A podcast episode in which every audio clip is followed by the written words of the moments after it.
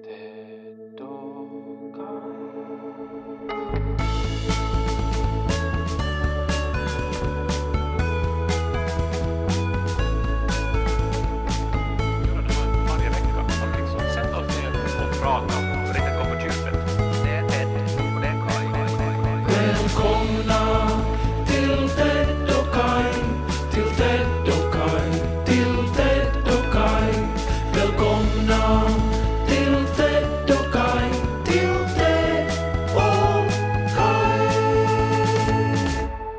Idag är vi i Helsingfors. Tänk att vi är på olika ort nästan varje gång när vi Mm. bandar nu för tiden. Ja. Du är mycket mera i Helsingfors eh, centrum nu för tiden än innan du flyttade från Helsingfors. Ja, ja det är ju intressant. Eh, att eh, jag ändå behöver vara här fast jag bor i Pormo nu för tiden. Ja, var det inte så att allt fanns i Pormo som man behövde? Ja, det finns nog. Men Ja. att ibland så är det olika inspelningar och sånt här här i Helsingfors som jag behöver vara med på. Eller vissa möten som hör till mitt jobb. Att hela Yle finns ju inte i Pormo. Ja, det finns väl inte överhuvudtaget Yle i Pormo? Nej, Jakobstad finns det. Och i Vasa finns det. Någonting annat också som ju finns här som inte finns i Pormo är ju alla de här restaurangerna. Och jag tycker att det finns en trend. Jag, jag, jag tror jag har liksom jag har spanat en trend nu. Att just nu är det väldigt trendigt att ha sådana där små trevliga restauranger där man inte egentligen har försökt hitta på något så här fancy namn utan att man egentligen bara skriver vad det är för sorts mat som är där. Jaha, du tänker lite som i Aikuiset när Ånas Café eh, inte har ett namn under säsong ett, men sen då så, så ger hon det namnet Kahvila, alltså Ja. café. Ja, och så blir det på något sätt sådär meta över det. Men jag, jag tror att det där är liksom den här nya trenden. Att, att förr så har det kanske varit sådär att någonting ska heta liksom blåa sköldpaddan. Och så är det sådär att jaha, ah, ni har pizza här. Ja, det visste man inte. Utan att det är sådär att, att det ska heta någonting i stil med det som serveras. I- En trend har ju varit det här att det ska heta någonting på svenska. Ja. Alltså fabrik, eh, Ja. körd. Ja, så, sånt finns ju mycket också. Men det är ju också... Det säger ju inte exakt vad det är som man får där. Och jag tycker att nackdelen med det här är att det är väldigt tråkigt. Alltså just sådär att om någonting heter kahvila så är det ju supertråkigt. Och det känns som att det måste ju gå att få det bästa från båda världarna. Att man, man kan, kan liksom hitta på ett namn som säger vad det är, men som också har en twist. Jag kom på just när du sa nackdel att det borde finnas en korvkiosk som skulle heta nackdel. Ja, det är ju jättebra. Mm. Det är ju strålande. Alltså det är precis det där som jag är ute efter. Det, det är så roligt att vi tänker likadant för att jag har kommit på den ultimata butik, alltså den ultimata restaurangen som jag skulle kunna öppna i Pormo. Som både uppfyller de här helsingforsiska trendkraven men som också att det finns någonting roligt med det. Och, och det här skulle vara en sån här fusion-restaurang. Att den skulle ha både eh, den skulle ha indisk mat, den skulle ha japansk mat och så ska den också vara specialiserad på eh, alltså på te, olika former av te. Det hör ju väldigt mycket liksom till det här japanska köket. Men att också i den här indiska, att det skulle vara liksom det här som, som på något sätt binder ihop dem. Okej. Den restaurangen skulle heta Nan Ti Itamae. Och vi har då naanbrödet från Indien och så har vi då ti som är te och så itamae som är japanska, alltså för den här huvo-kocken. Och, och när man säger den meningen så blir det ju Nanti itame! det är inte perfekt det. Och det ska också vara som en businessmodell. Att också att om du kommer dit ensam så kan vi erbjuda naan till itame. Och så, får, så behöver du inte liksom sitta ensam och äta. Det är ju den här eviga frågan att när liksom går ordvitsar för långt eller när blir de liksom förkrustade? Och nu är det väl kanske då när man vi kan ha uppfinner, krystade maträtter också. man uppfinner ett nytt kök och liksom tar kanske de två eh, typer av smaker som minst uppskattas i Österbotten och, och liksom med våld öppnar en hel restaurang bara för att få den där ena ordvitsen. Ja, men jag tror ju att det skulle krävas. Alltså jag tror ju att österbottningarna skulle komma till den restaurangen bara för att ja, jag har nog funnit det. Nan till itame. Titta med! Men så vad ska, ska du ha, vad ska du säga till den japanska och indiska kocken som du har och den här temästaren som du har flugit in? Nej men de förstår, de, de, är, de skulle vara jättenöjda över att det kommer så här många kunder som äter deras mat. Tell me Mr Forsström, uh, how did you come up with, with this? Well, I, I much enjoy the, the, both the Indian and the Japanese kitchen, of course. But I think there is such a wonderful pun to be gained from this restaurant. Jag tror nog de ska uppskatta det. Men så du menar att det här, eh, det som blev lite oklart var hur det här nu då uppfyller den här Helsingfors-trenden som Nej, det, det, det uppfyller inte utan att, att det är egentligen bara att, att när jag insåg att det finns restauranger som har just att att det är liksom att i namnet så ingår det faktiskt vad det är för sorts mat. Att det är taco, tortilla, curry. Alltså att det är det här klassiska att det här this is what you get. Och det ska det här också uppfylla. Men det är inte det här tråkiga utan det är det fantastiska. Nanti ita med. känns ju också som att det här liksom har nog utvecklingspotentialen nu också. Det finns ju så många bra dialektal ord som rama till exempel. Som, det, det måste ju gå att göra någonting med ramen där också. Kanske det finns något gammalt bönehus som man ska kunna liksom bygga om till en ramenrestaurang och sen efter att man har ätit så säger man, knäpper man sina händer och säger ramen. Nej, nej men förstås, ett bönehus, det är ju en, en mexikansk restaurang som heter bönehus. Halleluja!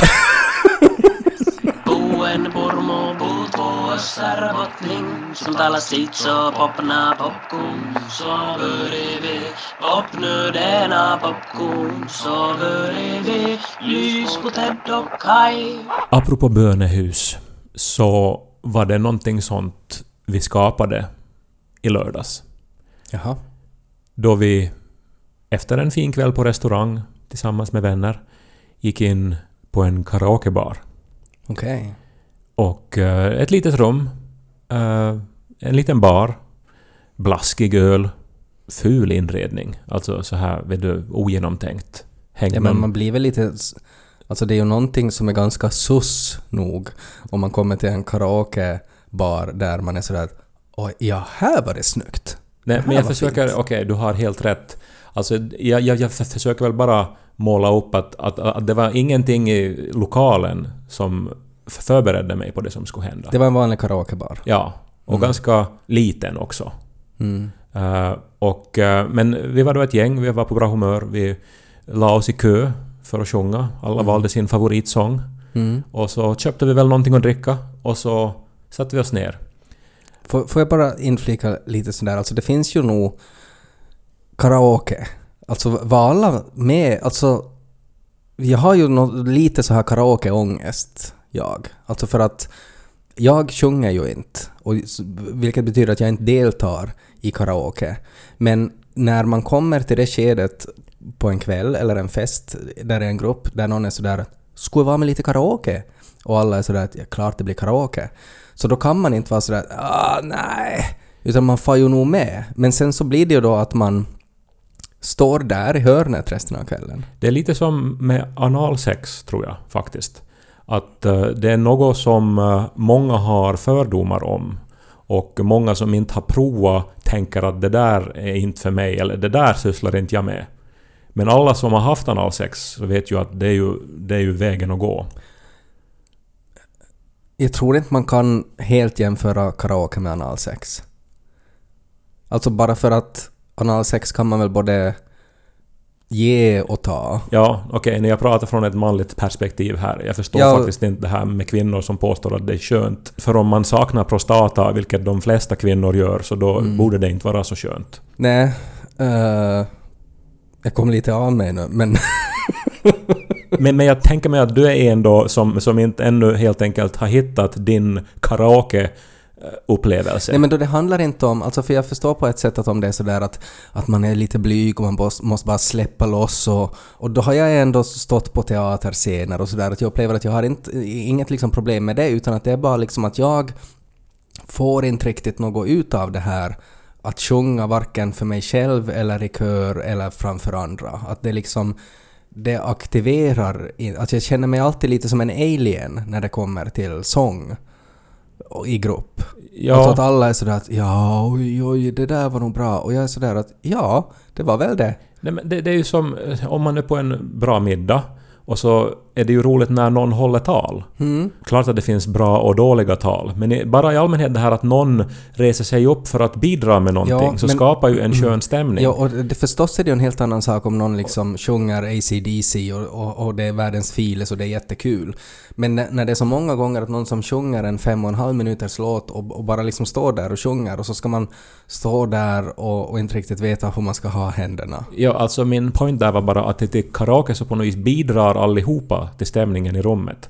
Eh, Men du har rätt, alltså förstås så finns det ju den här cringe-aspekten av det hela Ja. och det finns den här kitsch-aspekten av det hela.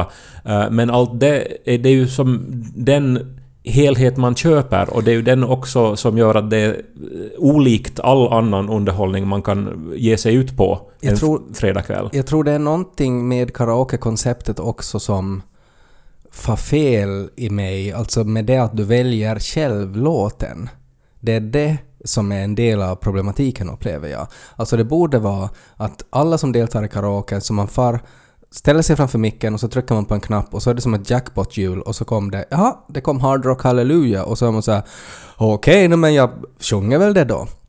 Och så gör man det. Och så är det på något sätt att, att det, det är lite så här på tur också. Att ja men det råkar nu komma den här sången som jag inte är så bra på. Eller ja, oj, det råkar komma den här som jag är jättebra på. Men det är någonting som är liksom så otroligt cringeigt i att välja den där låten själv och att man tar beslutet att ska jag nu välja en låt som ja men jag är nog faktiskt ganska bra på att sjunga, sjunga det här, den här låten jag. Och så sjunger man det för att man på något sätt vill visa upp sig. Det har jag svårt med. Ja, men det är lite att det, går inte riktigt att rita upp ramarna för, för karaoke utanför det där rummet. Kan man göra för dem- det på något blir egna regler när man kliver in där och alla är med på de här reglerna. Är det som med analsex också? Eller finns det regler som man kan ha utanför analsexrummet?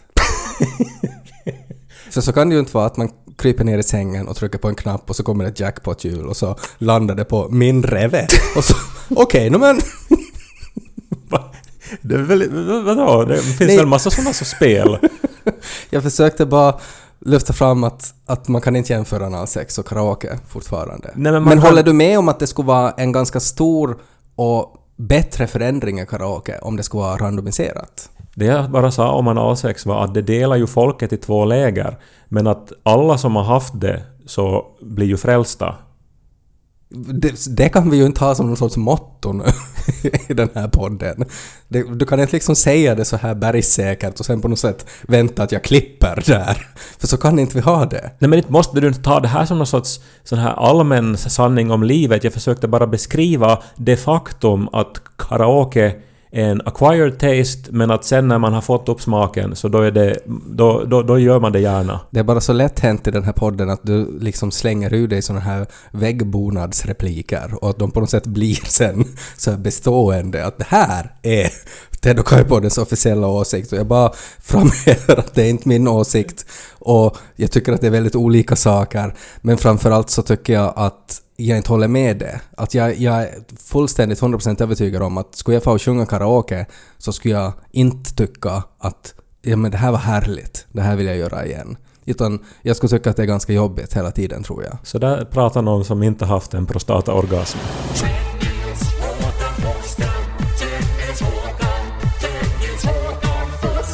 Nå men så fort gick kvällen då. Och alla var på bra humör. Och jag sjöng eh, David Bowie och Alice Cooper som jag brukar. Och du valde det för att du visste att du sjunger de låtarna bra. För att jag kan den bra och för Ja. att Alice Cooper och jag, vi har samma röstläge. Så nästan alla Alice Cooper-låtar är automatiskt i min tonart. Mm. Så, så är det inte med, med David Bowie, verkligen inte. Men Nej. några låtar klarar jag. Ja, ja. Men du valde det då för att du visste att du ville liksom, du ville styla lite. Ja, sen är det också att, alltså att jag, jag har såna här låtar som jag vet att Många här har aldrig hört den här låten, men det är en sån här omedelbar låt, så att människor kommer ändå att lustra. Och sen så kommer de kanske att shazama låten eller någonting. Och uh, Är det ett så här tecken på att om man är bra på karaoke så då känner Shazam igen låten? Nej men att jag också är lite DJ, att jag ger folk nya låtar. Det är ju också en rolig sak med karaoke. Att man kan lä- att, att det är så här ett folkbildande syfte. Nej, men alltså det finns bara bra sidor med karaoke inser jag nu. Det där är också en av dem. Ja, folkbildning. Precis som att den här podden folkbildar om sexualpraktiker också, har vi ju förstått. Ja. Och ordvitsar. Nå men så var det då en tjej som plötsligt skulle sjunga Halleluja av Leonard Cohen. Oj då. Är det inte så där... Nu försöker jag tänka på någon sorts liknelse till analsex, men att nu är det ju sådär att man klär på sig liksom trollkarlsdräkten mitt i akten. Det. Att, att om man ska sjunga den sången på karaoke. Jag skulle säga nästan tvärtom, att det är en av de mer riskabla låtarna. Ja men det är precis det jag menar, att nu är det, nu är det nog liksom man är ute på hal is. Ja, Okej, jag förstås, du, du menar så. Eh, ja, alltså för att det är ju en låt som är så, så otroligt vacker och som alla på något sätt eh, blir berörda av. Men ingen vinner ju av att man sjunger det, för att så här är det. Om du sjunger den låten på ett bra sätt, då blir ju alla deppiga för att det är så... Det är en låt som man blir, den är så melankolisk på något sätt och det tar ju bort liksom partystämningen. Och sjunger du det dåligt så är det bara skit. Den handlar ju om sex, den där låten annars. Men det gör den väl inte? Det gör den. Nej, den handlar väl om Jesus Kristus? Nej, det handlar om orgasmer och det, också där nämns ju någon sorts uh, sadomasochistiskt sex också. Varifrån... From your lips she drew the hallelujah. Alltså hon red dig tills du bara kved. Red hon någon med sina läppar? Nej, men red vet jag vad, vad de gjorde men hon Eller fick var dig det alltså att... vaginala läppar? Hon fick dig att få orgasm. From your lips she drew the hallelujah. Okej. Den kan handla om andra saker också. Ja, det är ju den jag är bra. inget sadomasochistiskt i det där. Nej men she tied you to the kitchen chair. Broke your throne and cut your hair. And from your lips she drew the hallelujah. Ja, okej, Han blandar religiösa liksom bilder, bibliskt innehåll med sex. Och det är det som Mm. gör att den där låten är helt otroligt bra. Den det- transcenderar liksom kropp och själ. Men är det inte där en sån där låt som man ofta sjunger liksom på begravningar och på så här, liksom vid sådana tillfällen? Ja men simpla människor ser ju bara ytan i den och tänker att den handlar om att det är någon sorts lovsång. Men, Men- egentligen så handlar det om avancerat så här BDSM-sex. Det kan göra det också. Men, men att det antag, alltså att om du inte är simpel så förstår du att det gör det. Du är nog hård mot mig idag. Nej men det är bara... Allt ska jag måste stå till svars för. Vet du den där memen där det är någon som är på fest och har en helt tom blick och så är det någon annan som liksom skriker någonting i örat med ett ölglas i handen. Så du är ju den som skriker i örat på det. Det här handlar egentligen om så här sadomasochistiskt! Och någon bara vill lyssna på Halleluja på karaoke.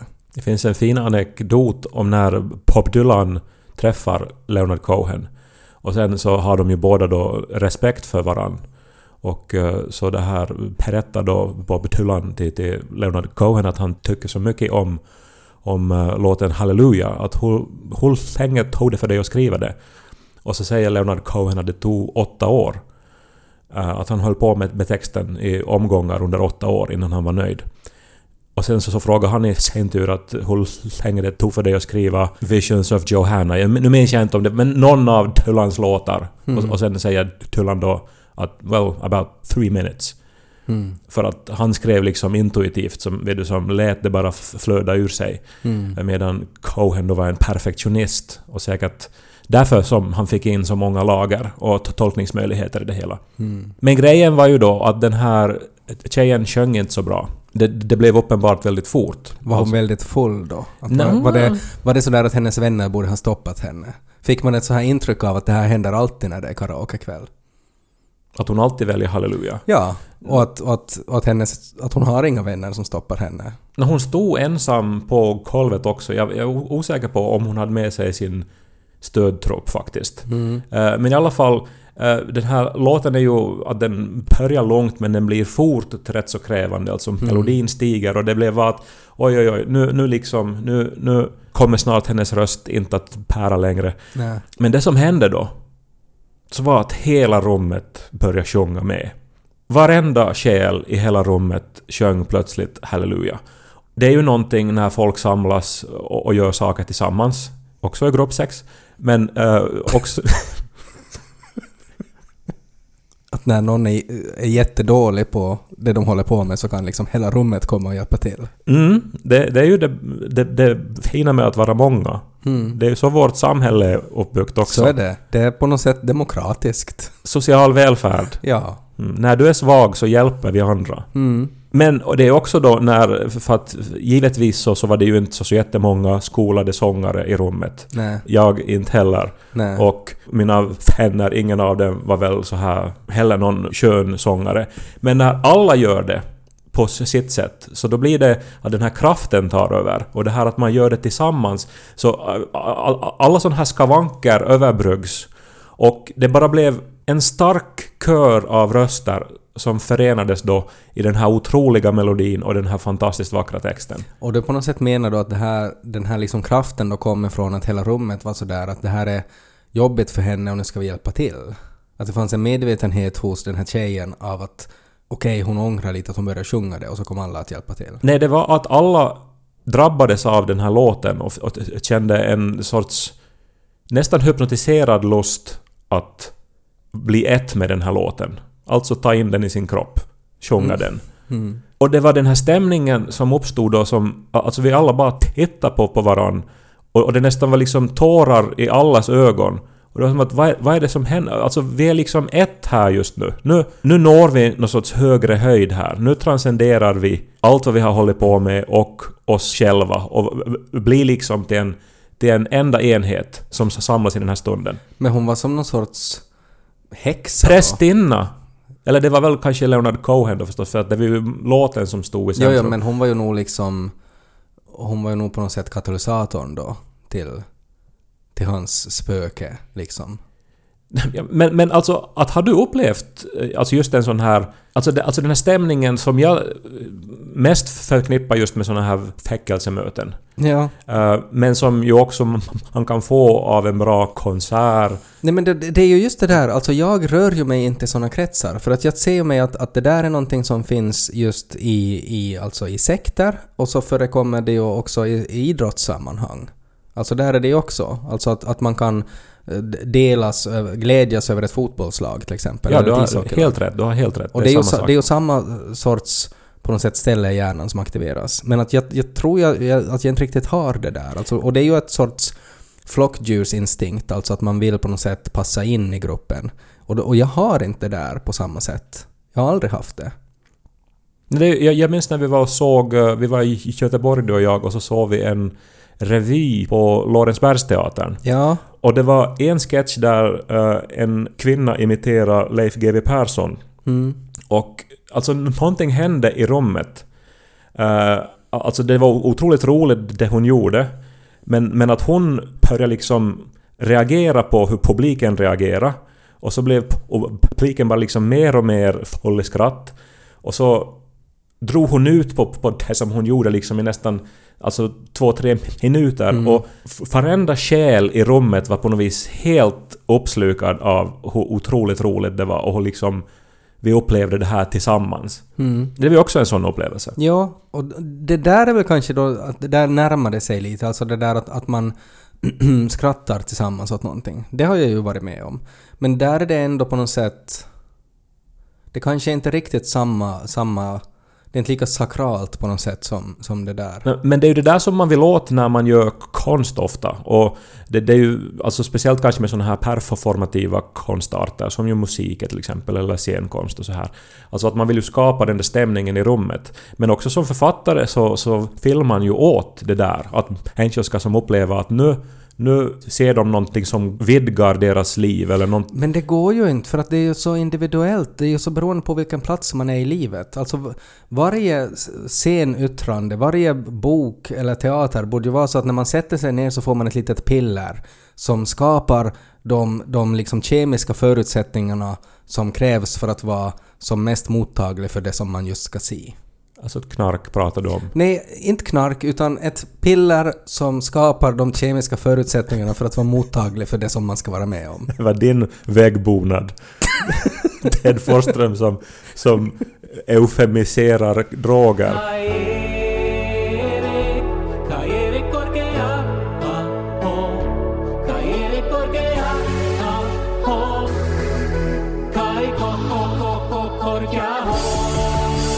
Poängen var ju då förstås att där håller jag då på en hel arbetsvecka och försöker skriva någonting för att i bästa fall få tag på den, just den där upplevelsen.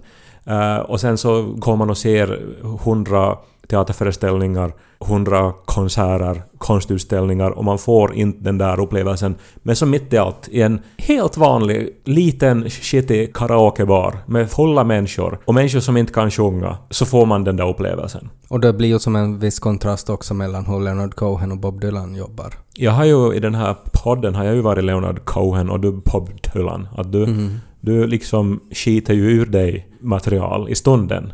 Medan jag ju då har gjort anteckningar i åtta år. Och så bara kommer jag och så här sätter på micken och bara Nanti ita med! och, och det är bara... I hela svenskfilmen så går det som ett sus bara. Och så här att vem hinner registrera hemsidan först? Fast å andra sidan så var väl alltså det här avsnittet, om det är någonting som jag insåg medan vi pratade här, att de stora njutningarna så hittar man ju faktiskt på oväntade ställen. Ja, så är det. Om man är heteroman i alla fall. Ja, för då har man inte upplevt de stora njutningarna, var det så? Ja, förmodligen inte. Nej. Men tänk att det finns människor då som lever ett helt liv och så har de liksom en, nå, en högerarm. Och så har de bara i något skede bestämt sig för att jag kommer inte att använda den här högerarmen. Någonsin. Att eh, jag har nog hört att, att det finns saker man kan göra med högerarmen, eller den är säkert användbar enligt vissa. Men jag, jag, jag tänker inte göra det. Och sen så blir man gammal och så förtvinar man och dör utan att ha använt högerarmen. Ja, men du kan inte jämföra högerarmen med rövhålet heller. Det kan du ju inte. Det är ju olika funktioner. Det är en kroppsdel som du, ha- som, som du har haft hela livet. Och som du bara är så här att ja men den där, den, den ska jag inte utforska. Du använder, det- du använder ju fel bilder nu. Ja, och jag känner också att jag försöker på något vis försvara någonting som jag inte behöver försvara också. Vi vet ju alla hur livet funkar. Vi har en viss utmätt tid. Vi kan använda det till vad vi vill. Men att kategoriskt vara emot någonting så kommer inte att leda till några upplevelser under den korta tid vi har. Nej, det är, men så är det ju. Om du aldrig sjunger halleluja på karaoke-scenen You only miss the shots you don't take. Jag tror det var Bob Dylan som sa det. Det var någon korrespelare som sa det. Alltså att du bara missar de där poängen som du inte vågar försöka få, få i mål, få i korgen. Vad man nu säger i korris. Basket. Inte vet jag vad det heter. Det kan ha varit Wayne Gretzky som sa det. Men alla har sitt bönehus. Kan vi komma fram till det då? Allihopa har sin plats där man upplever mening, samhörighet, att man går utanför sin kropp och kring allt det som är jordligt. Och så njuter man av det. Ja, det kan jag gå med på. Så vad blir väggbonaden? Det som ska vara skrivet i kursivt på restaurangväggen i nan ti ita med. Full hålet, tror jag. För det funkar Det är mat och det är... Det, och det är vad man vill. Ja. Vi kommer alla med ett tomrum när vi kommer in. Vare sig det är en restaurang, en karaokebar eller ett sovrum. Kom och fyll hodidet till någon tita med!